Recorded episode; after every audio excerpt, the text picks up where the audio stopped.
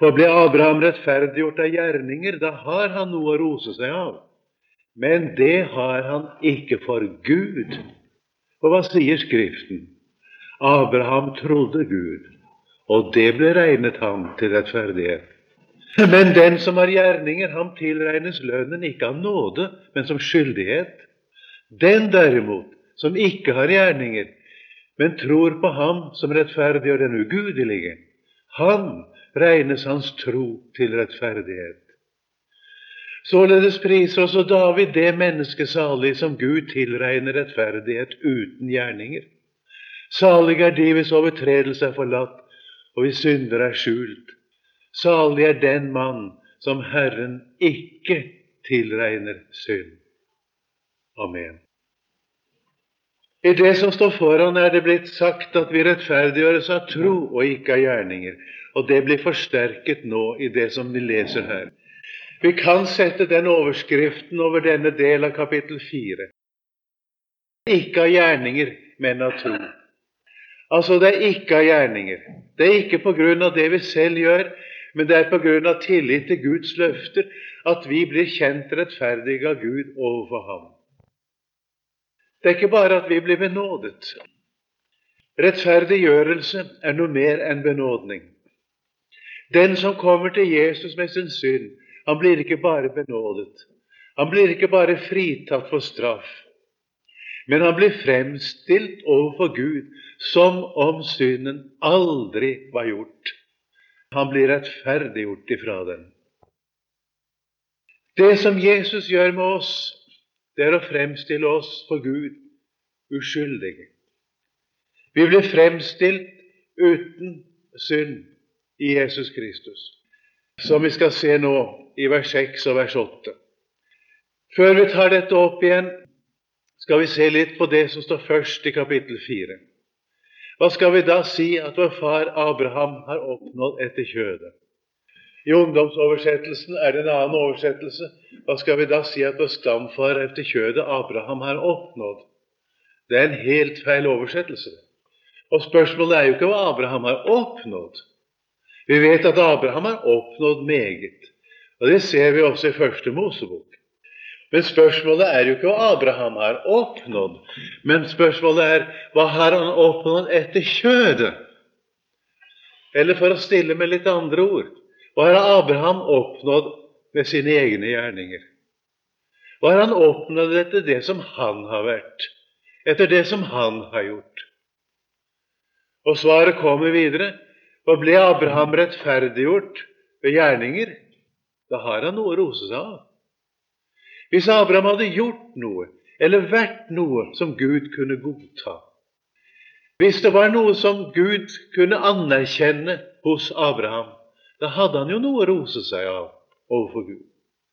Da hadde han blitt rettferdiggjort av gjerninger. Men det har han ikke for Gud, står det. Man kunne kanskje si Abraham hadde noe å rose seg av sammenlignet med andre mennesker. Det spørsmålet ble ikke tatt opp i det hele tatt. Men hvordan han enn måtte stå i forhold til andre mennesker, så har Abraham ingenting å rose seg av overfor Gud. Det kan trengs å bli innprentet i dag.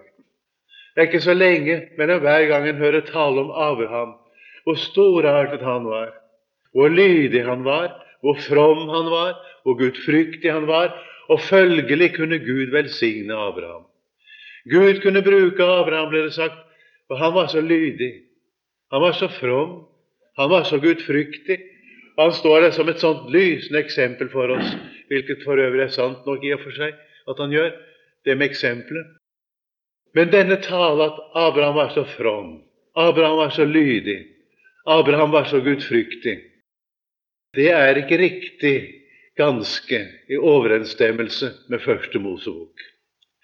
Første Mosebok forteller oss at det var svikt og brist med Abraham, unntagen på ett punkt.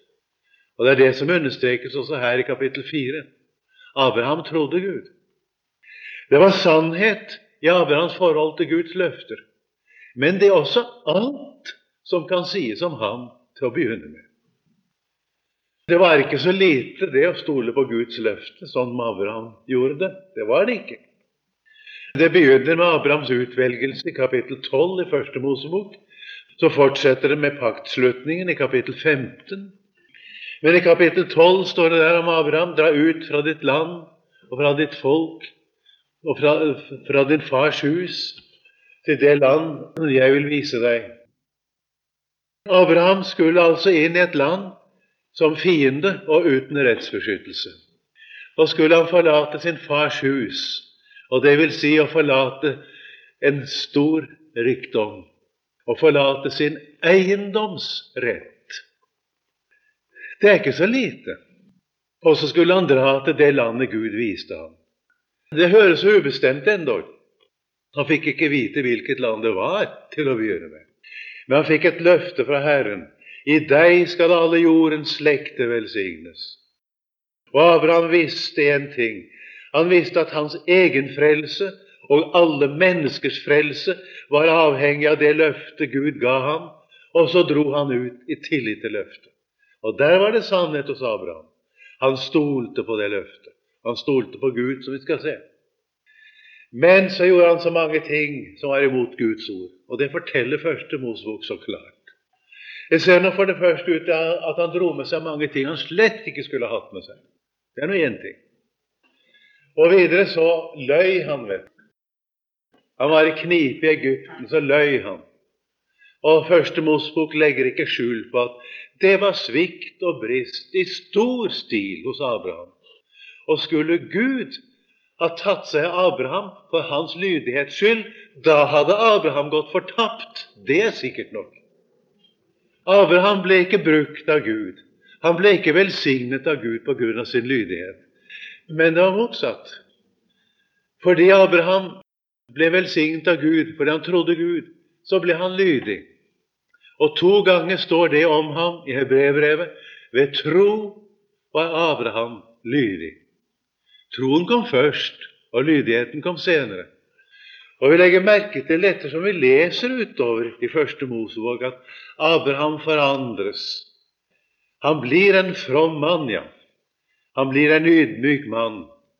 Han blir en mann meget liten i seg selv. Han blir en uegennyttig mann. Han sier til Lot, gå du til høyre, går jeg til venstre. Går du til venstre, går jeg til høyre. En kravløs mann. Han blir en mann med omsorg for andres ve og vel. Han ber for Sodoma. De hadde visst ikke fortjent forbønn menneskelig sett, men Abraham ber for dem. Og det er så mange andre ting. Til slutt så var han villig til å ofre Isak da Gud da det så ut i hvert fall som Gud krevde det av ham. Det var en prøve han ble stilt på. Ved tro var Abraham lydig. Men det var ikke utgangspunktet. Og vi må vel si at alt det Abraham ble, det var virkninger av velsignelsen, og ikke betingelse for den. Altså, konklusjonen på Abrahams historie er det som står i vers 3, Romerne 4,3. For, skrift, for hva sier Skriften? Abraham trodde Gud, og det ble regnet ham til rettferdighet. Da skal du merke at Gud står ikke som objekt. Abraham trodde Gud. Altså, Det er ikke noe intellektuelt det taler om her, men det er noe rent personlig. Abraham stolte på Gud. Abraham satte sin lit til Gud. Det vil si, han satte sin lit til Guds løfte, og det er det samme som å sette sin lit til Gud selv. Og Abraham betydde det løftet han fikk, det betydde alt. Det stolte han på, og det uansett alt annet. Jeg kan jo spørre hvordan han kunne klare et slikt oppbrudd. Det var tilliten til Guds løfter som var årsaken. Han brøt ikke først med alt dette, og så etterpå kom til troen. Men det var det at Gud hadde gitt ham dette løftet. Gud tilsa ham et løfte det betydde så meget mer for Abraham enn alt det han kunne tenke seg ellers. Det landet han bodde i, og rettsbeskyttelsen og alt dette, det betydde så meget mindre for Abraham enn tilsagn og løfte fra Gud. Så blir det da senere, det er altså i kapittel 15, opprettet en pakt med Abraham på grunnlag av det. Og da sier Gud til ham, Se, jeg oppretter i dag min pakt med deg. Og da stiller Gud ingen betingelser. Han gir løfte uten betingelser. Det kommer igjen her i vers 13, som du ser. Vi sluttet altså å lese med vers 8, men hvis du ser ned til vers 13, så står det 'ikke ved loven'. Egentlig står det i grunnteksten 'ikke ved noen lov', dvs. Si, overhodet ikke ved noen forpliktelse fikk Abraham eller hans ett det løftet at han skulle være arving til verden. Den pakt som Gud sluttet med Abraham, det var en nådepakt. Det var en ensidig pakt. Og den er ikke som lovpakten på Sinai, som er gjensidig. Nå skal vi ikke tale mer om disse paktene akkurat i dag. Men det som jeg vil få understreke, er Abraham trodde Gud. Han stolte på det Gud hadde sagt, og det ble regnet ham til rettferdighet. Det mennesket som stoler på Gud, blir rettferdiggjort. Et menneske som stoler på Gud, blir frelst fra sine synder. Hvis du spør hvordan du får syndenes forlatelse, så svarer Guds ord meget klart det skjer ved at du stoler på Guds løfter om Ham som Gud har sendt til verden. Du skal stole på det store soneoffer som Jesus har fullbrakt. Det er så mange som tenker i øst og vest hvordan skal jeg få bekjent min synd skikkelig? Det får du aldri gjort. Du kan ikke gjøre annet enn komme til Jesus som du er. Du kan bekjenne det du ser. Og det viktigste for deg å bekjenne hos Jesus, det er at du er et menneske som ikke kan klare deg uten Jesus. Du Du er et menneske som er fortapt og fordømmelsesverdig uten Jesus. Det er den bekjennelsen som er så verdifull. Den som fører det med seg at en må ta sin tilflukt til det som Jesus har gjort, og hva Guds ord forkynner om ham. Hvis troen står alene, slik som den gjør her i Romerne 4,3 Abraham trodde Gud. Da står altså Gud som et hensynsledd i setningen, og ikke som objekt. Det er uttrykk for at en stoler på Gud. Altså ikke uttrykk for noe man vet, men for at en virkelig stoler på det som står skrevet. Stole på Hans ord og løfter. Hvis ikke det står, står på den måten, så brukes det alltid en preposisjon i tillegg til ordet tro. Det er oversatt i våre bibeloversettelser alltid med å tro på, og det er en helt riktig oversettelse. Men det mest alminnelige ord på gresk, det står egentlig 'tro hen til'. Tror i retning av ham. Det er et merkelig uttrykk, ikke sant? Hva betyr det egentlig? Det betyr at hjertet er rettet på Jesus, ganske enkelt. Det betyr at hjertet er rettet på det som Gud ord sier om Jesus. Det betyr at hjertet kan ikke være rettet på noe seg selv. Og hjertet kan ikke være rettet på troen. Disse forskjellige uttrykk som er brukt om troen, viser at troen er ingenting i seg selv. Hvordan du tror, det spiller ingen rolle. Det er ikke det at du tror, som frelser deg, men det er hvem du tror på, hva du tror på, hva du setter din lit til, hva du regner med, fortrøster deg til, hva du stoler på, eller hvordan du nå vil si det. Det som sammenfatter alt sammen, det er at hva hjertet vårt er rettet på. Om din tro er sterk eller svak, spiller ingen rolle. Om den er frimodig, eller om den er engstelig. Om den er glad, eller den er sørgmodig. Om den er viss, eller den er tvilende, spiller ingen rolle. Troens kvantitet og troens kvalitet spiller ingen rolle. Spørsmålet er hvem er det du setter din lit til? Hvem er det du tar din tilflukt til? Tar du din tilflukt til Guds løfter, er du frelst. Da er det regnet deg til rettferdighet. Og hva det innebærer, blir nå forklart videre her nedover. Først kommer det vers 4. Den som har gjerninger, ham tilregnes lønnen, ikke av nåde, men som skyldighet. Det står egentlig etter grunnteksten den som medvirker selv, den som gjør noe selv. Et godt uttrykk. Vi må da gjøre noe selv. Er ikke den innvending vi stadig hører? Vi må da gjøre noe selv.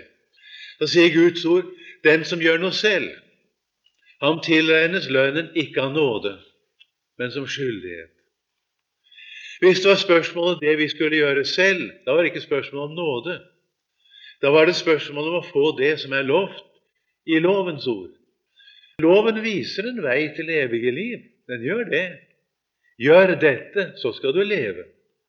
Loven viser en vei til velsignelse.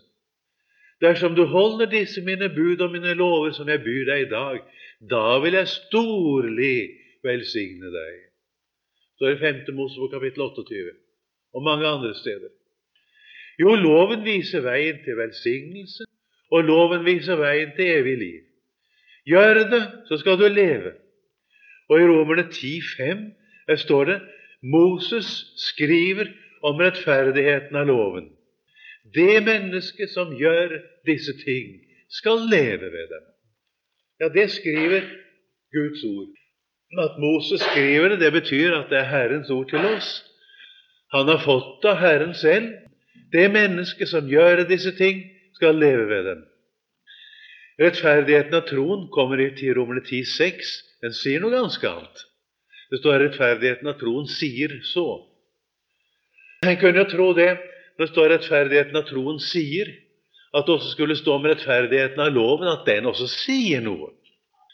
Jeg kunne ventet rent logisk at rettferdigheten av loven sier så. Den, det mennesket som gjør disse ting, skal leve ved dem. Men står ikke det?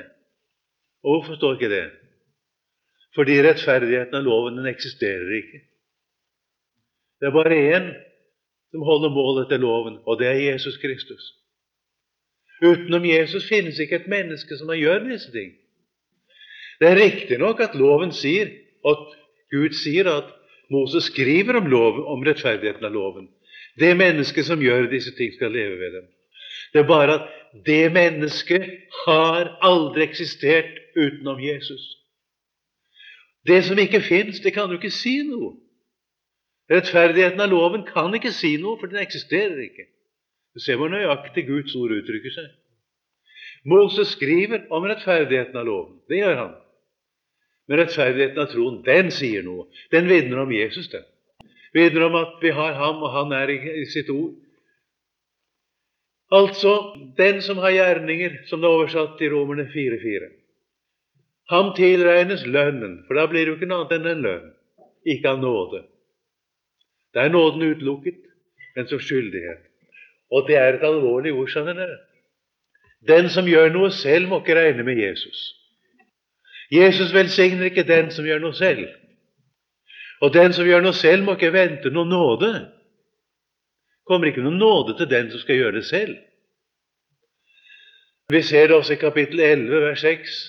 Er det av nåde, da er det ikke mer av gjerninger. Ellers blir nåden ikke mer enn nåde. Det er så vondt i dag at dette ikke blir forkynt som det skal bli. Det skal forkynnes for alle mennesker. Vil du klare det selv, da får du ikke Guds nåde. Da er det spørsmål om skyldighet. Men da er det spørsmål om du holder det som betingelsen krever. Har du gjort det loven krever? Da er det spørsmål om du er syndfri og fullkommen. Og hvis du ikke er det, så kan du ikke holde et eneste bud. Budene kan bare holdes ut fra et syndfritt, fullkomment hjerte. Nei, var det spørsmål om det, da nyttet det jo ikke. Og den altså som vil gjøre noe selv, han får ingen nåde. Hva er nåde for noe? Jeg har nevnt det før og kommer til å nevne det senere òg. Nåde er at Gud elsker oss uten grunn i oss. Det er nettopp det ordet betyr, både på hebraisk og på gresk. Nåde, charis på gresk. Gud har fattet kjærlighet til oss uten at det er noe hos oss som skulle tilsi ham å gjøre det. Uten grunn hos oss, uten at vi har fortjent det, har Gud fattet kjærlighet til oss. Og så handler Han med oss i overensstemmelse med det. Altså. Etter sin kjærlighet, som ikke har noen grunn i oss, handler Gud med oss. Derfor går det ikke an å si det 'jeg har ikke fortjent Guds nåde'. Ja, Hvis du har fortjent den, da får du den ikke, da. Du kan ikke fortjene det som bare kan gis til dem som ikke har fortjent det. Nåde betyr at Gud elsker oss uten at vi har fortjent det. Da kan ikke vi komme og si det, ja, men jeg er ikke slik at jeg kan få Guds nåde. Da bringer du deg selv inn i bildet. Det er ingen som har spurt om hva du er. Her er spørsmålet om hva Jesus er. Her er spørsmålet om hva Jesus har gjort. Det er ikke spørsmål hva du har gjort. Våre gjerninger er utelukket i, og det har vært sagt nå i kapittelet foran, i vers 27. Hvor er så vår ros, står det? Den er utelukket. Ved hvilken lov? Det betyr altså ved hvilken tingenes tilstand? Gjerningenes? Nei, ved troens lov. Altså ved den tingenes tilstand at det er ved tro, ikke ved gjerninger vi rettferdiggjøres. Så kommer konklusjonen for vi holder for. Og vi trekker altså den slutning, står det, at mennesket blir rettferdiggjort ved troen uten lovgjerninger. Altså hvis det hadde vært spørsmål om gjerninger, så var det ikke lenger nåde. Og den som har gjerninger, han tilregnes lønnen ikke av nåde. Den derimot, så kommer i vers 5, den derimot som ikke har gjerninger, altså den som ikke gjør noe selv, han tilregner, men tror på ham. Altså, det betyr setter sin lit til ham, som erklærer den ugudelige rettferdig, betyr uttrykket. Rettferdig den ugudelige. Han som erklærer den ugudelige å være rettferdig. Ham regnes hans tro til rettferdighet. Og tro er der brukt det vi kaller objektiv betydning. Ham regnes det som han setter sin lit til. Det regnes ham til rettferdighet. Du blir tilregnet det som du stoler på, eller for å si det enda mer nøyaktig du blir tilregnet Han som du stoler på. Han blir det tilregnet, med alle hans gjerninger. Du tviler på at du får være Guds barn. Det er mange av dere som gjør det, vet jeg. Jeg har forstått det. Og det er en av grunnene til at dere kommer her på møtene. Du tviler på om du får være Guds barn. Tviler på din barnerett, for du synes det er så galt med deg. Jeg vil be deg lese det som står her, da. Her står det at 'den ugudelige har en rett'. Den som det er galt med, den som ikke har gjerninger, den som ikke gjør noe selv. Du kan ikke bli mer enn ugudelig, forstår du. Det lar seg ikke gjøre det. Det er med alt sagt om det gale hos oss. Han tilregnes det som han setter sin lit til, til rettferdighet. Fordi han setter sin lit til Guds løfter. Han stoler på ham som erklærer den ugudelige rettferdig. Når du stoler på det løftet som er gitt deg, da gjør du som Abraham gjorde. Da gjør du akkurat det han gjorde. Abraham trodde Gud, og det ble regnet ham til rettferdighet. Når du setter din lit til løftet om det som du hører om Jesus, at det er ditt Ja, det var for deg og for meg Jesus kom. Han kom for alle mennesker. Og du og jeg er ikke utelukket fra menneskeheten. Vi er innbefattet i Jesu Kristi fullbrakte verk, både du og jeg. Setter vi vår lit til det, da gjør vi det Abraham gjorde. Da tror vi Gud. Da blir det regnet oss til rettferdighet. Dette bekreftes så videre ut fra Guds ord i Det gamle testamentet i vers 6-8. Således priser også David det mennesket salig som Gud tilregner rettferdighet uten gjerninger. Hører du det? Det står det. Du blir tilregnet rettferdighet uten gjerninger. Du blir tilregnet det som du ikke er. Det som du ikke har, det blir du tilregnet. Skal jeg si det enda litt mer nøyaktig? Du blir tilregnet det som Jesus er. Det som Jesus har gjort. Alle Jesu gjerninger blir du tilregnet. Og Jesus, han har holdt loven. Den rett til å leve som er skjenket det mennesket som holder budene, den retten vant Jesus som menneske på våre vegne og i vårt sted. Han har retten til å leve. Den har han vunnet for oss. Og så vet du velsignelsen som kommer ved å holde bud. Den har vi fått i Jesus. Han holdt budene. Han holder mål. Dette har vi fått. Vi er velsignet, står det, med all åndelig velsignelse i himmelen i Kristus Jesus. Alle rettigheter, alt hva Guds ord tilsier og lover et menneske, det har vi i Jesus, vi. Vi er tilregnet alt det som Jesus er og har gjort. Og i Filippenserbrevets tredje kapittel, vers 9 følgende, der tales det om rettferdigheten av Gud på grunn av troen. Nøyaktig står det i sammenhengen der finnes i ham, i Kristus. Ikke med min rettferdighet, den som er av loven, men med den som fåes ved troen på Jesus. Du får den ved troen på Jesus. Rettferdigheten av Gud på grunn av troen. Evangeliet er det ubetingede løftet. Det betingede løftet, det er loven, det.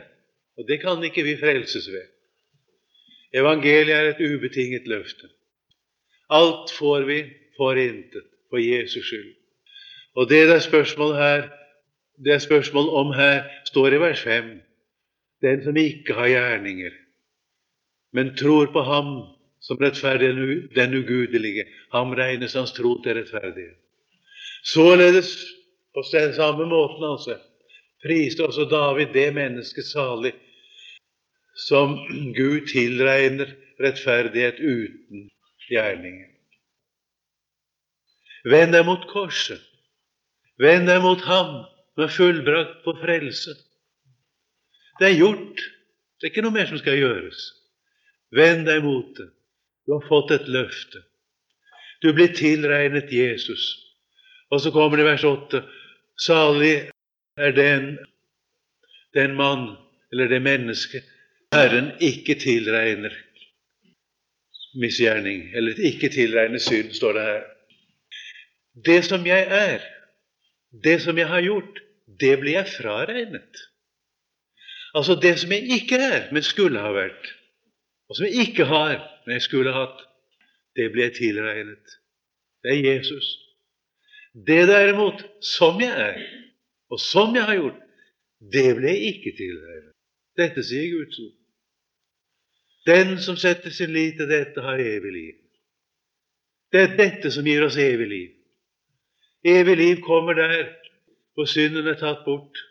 Der hvor synden er sonet, der kommer det evige liv.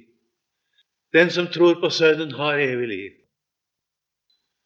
Dette skal du ta med deg hjem fra Guds ord i dag.